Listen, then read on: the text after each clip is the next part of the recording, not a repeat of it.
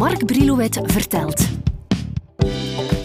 Een swingende podcastreeks over de meest iconische hits en hun al even legendarische uitvoerders.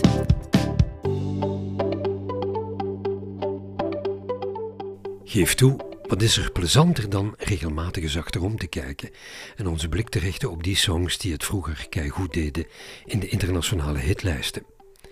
Als verzamelaar vind ik het boeiend als je dan op zoek kan gaan naar die originele versies. Niet op cd, maar op vinyl. Daar hoeven we tegenwoordig zelfs de jongeren niet meer op te wijzen, want die vinden het cool eh, dat spul van toen op 45 of 33 toeren in hun bezit te krijgen. Als het kan, mag het niet alleen de singleversie zijn, maar zo'n hitsong ook nog eens op de originele LP op eh, de kop te kunnen tikken. Dat is helemaal in. Je zal ook merken dat we onze podcast stilaan met muziekfragmenten inkleuren. Nu we daaromtrent een keurige afspraak hebben kunnen maken met Sabam en met de morele steun van Flanders District of Creativity. Mocht je ook uh, podcasten, dan kan je altijd bij hen terecht voor de nodige info, maar dat terzijde. We spitsen onze aandacht deze keer toe op een song die ik altijd graag heb gehoord. Ook al zijn we intussen een halve eeuw verder. Een nummer dat aan hitkracht niets heeft ingeboet en dat in vele versies de tand destijds heeft overleefd. A groovy kind of love. Als we het over de hit A Groovy Kind of Love hebben, dan denken we meteen aan de Engelse groep The Mindbenders, die aanvankelijk als begeleidingsband optrad van Wayne Fontana. Ze waren al eerder in aanraking gekomen met de absolute top van de Britse en Amerikaanse charts toen ze in 65 Game of Love hadden uitgebracht. In die groep de Mindbenders zat een zekere Eric Stewart, die we later zien opduiken bij de groep Hot Legs en 10cc. Eric die weet zich nog goed te herinneren dat na een optreden Wayne Fontana de boel voor bekeken hield en tegen Eric zei dat hij zijn plaats mocht innemen. Wayne ging van dan af solo, maar moet daar nadien toch spijt van hebben gehad, want met uitzondering van het nummer Pamela Pamela kwam hij nooit meer in de buurt van de top 40. Misschien eens even kennis maken met die Pamela. Pamela, Pamela,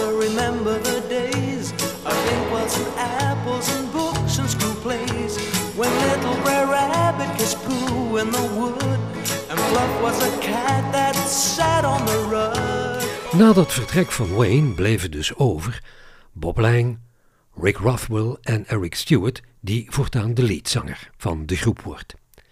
Ze beslissen niet bij de pakken te blijven zitten en nemen meteen een ganse LP op. Die komt in 66 op de markt als The Mindbenders. Eenvoudiger qua titelkeuze kan haast niet. Op die plaat staat onder meer A Groovy Kind of Love van de Amerikaanse schrijvers Carol Bayer Sager en de toen 17-jarige Tony Wine. Als we mogen geloven, hadden ze dat liedje in nog geen 20 minuten op papier uitgewerkt. Het woordje groovy was een idee van Carol. Ze aarzelde eerst of ze dat wel zouden gebruiken, want groovy is slang. Ze hadden net zo goed het woord cool of trendy kunnen gebruiken. Maar Carol die stond erop groovy te behouden en het woordje love kwam nadien als vanzelf. Trouwens, groovy hoor je op dat moment ook al opduiken in het nummer de 59th Street Bridge Song van Paul Simon, die het heeft over feeling groovy.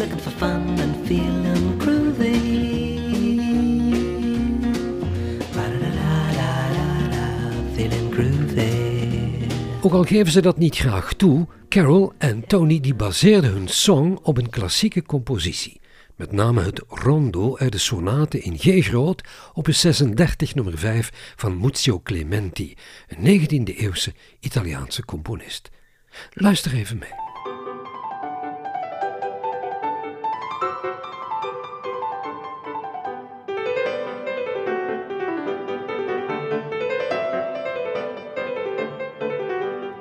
Groovy Kind of Love werd door Carol Bayer Sager eerst voorgesteld aan Leslie Gore. Die zag het wel zitten, maar haar platenfirma ging dwars liggen omdat ze niet zo tuk waren op het gebruik van het woord groovy. Vonden ze niet passen bij het imago van Leslie. Nadien komt het liedje terecht bij het duo Diana en Anita. Voluit Diana Hall en Anita Ray, maar geen kat die reageerde. Het belandt in hun versie op een EP'tje in Frankrijk verdeeld door platenfirma Vogue. Mocht je het willen beluisteren, dan moet je zeker eens in die richting gaan zoeken. Eric Stewart die kende A Groovy Kind of Love al veel eerder van een demobandje dat hij had gekregen. Van een zeker meneer Jack McGraw, geloof ik, die altijd op zoek was naar geschikte songs voor zijn artiesten. Dat, dat, gaat vaak zo. Een demootje belandt bij een uitgeverij of platenfirma, daar geduldig wachtend of iemand zo vriendelijk wil zijn het op plaat uit te brengen. En het gebeurt ook vaker dan je denkt dat een liedje wordt ingeblikt, niet scoort, nadien opnieuw wordt opgenomen en dan wel met een uh, positief resultaat. Veel overtuigingskracht hadden de Mindbenders niet nodig om in 65 naar de studio te trekken en daar het nummer in te blikken. Tijdens de opname vinden ze het beter dat ze in de achtergrond geruggesteund worden door een vrouwenkoortje. De Mindbenders scoren zowel in Engeland als in Amerika. Ze belanden in beide landen telkens op de tweede plaats. When I'm feeling blue, all I have to do is take a look at you. Then I'm not so blue. When you're close to me.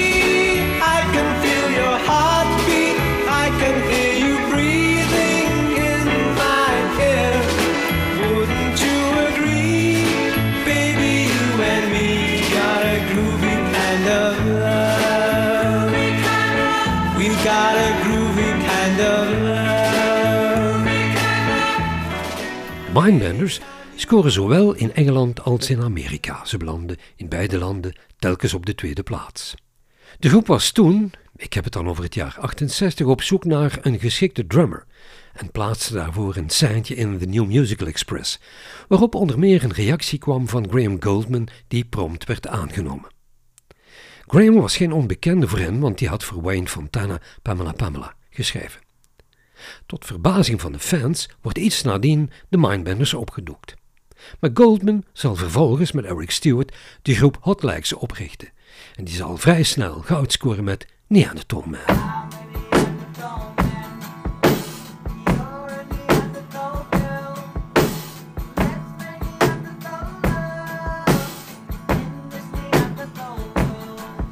A Groovy Kind of Love vindt een tweede hitadem wanneer het jaren later onder de aandacht van Phil Collins komt. Die zou in 88 het nieuwe album van Stephen Bishop produceren en stelde hem voor A Groovy Kind of Love op te nemen. Maar toen puntje bij paaltje kwam, vond Phil het toch maar beter dat hij het zelf zou inzingen en bewaren voor de soundtrack van zijn film Buster, die zich in een jaren 60 sfeertje afspeelt. Hij vond dat binnen de film goed passen als een soort liefdesthema. Hij neemt, om de regisseur te overtuigen, een demoversie van die song op. Blijkt die later ook in de film te zijn gebruikt. Maar voor de originele soundtrack op de LP en de CD neemt Phil een volledig nieuwe versie op.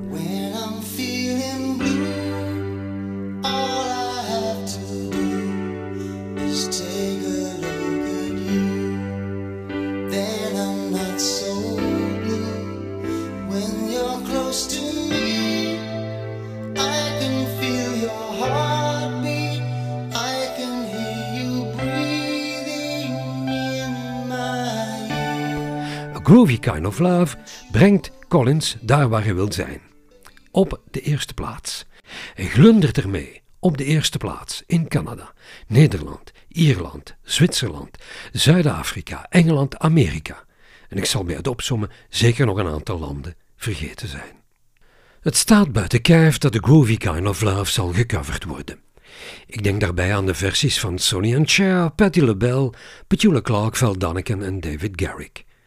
Wat dacht je van deze collectors item? Le même chemin, Richard Anthony. Quand j'ai des ennuis, je vois tout en gris, mais quand tu me souris, s'en vont mes soucis. Un regard suffit pour calmer ma peine, et c'est ton amour qui me conduit. En om af te ronden, het bewijs dat de groovy kind of love niet altijd hoeft gezongen te worden. Deze instrumentale versie van Dwayne Eddy uit zijn 60s LP The Biggest Twang of Them All. Tot een volgende keer.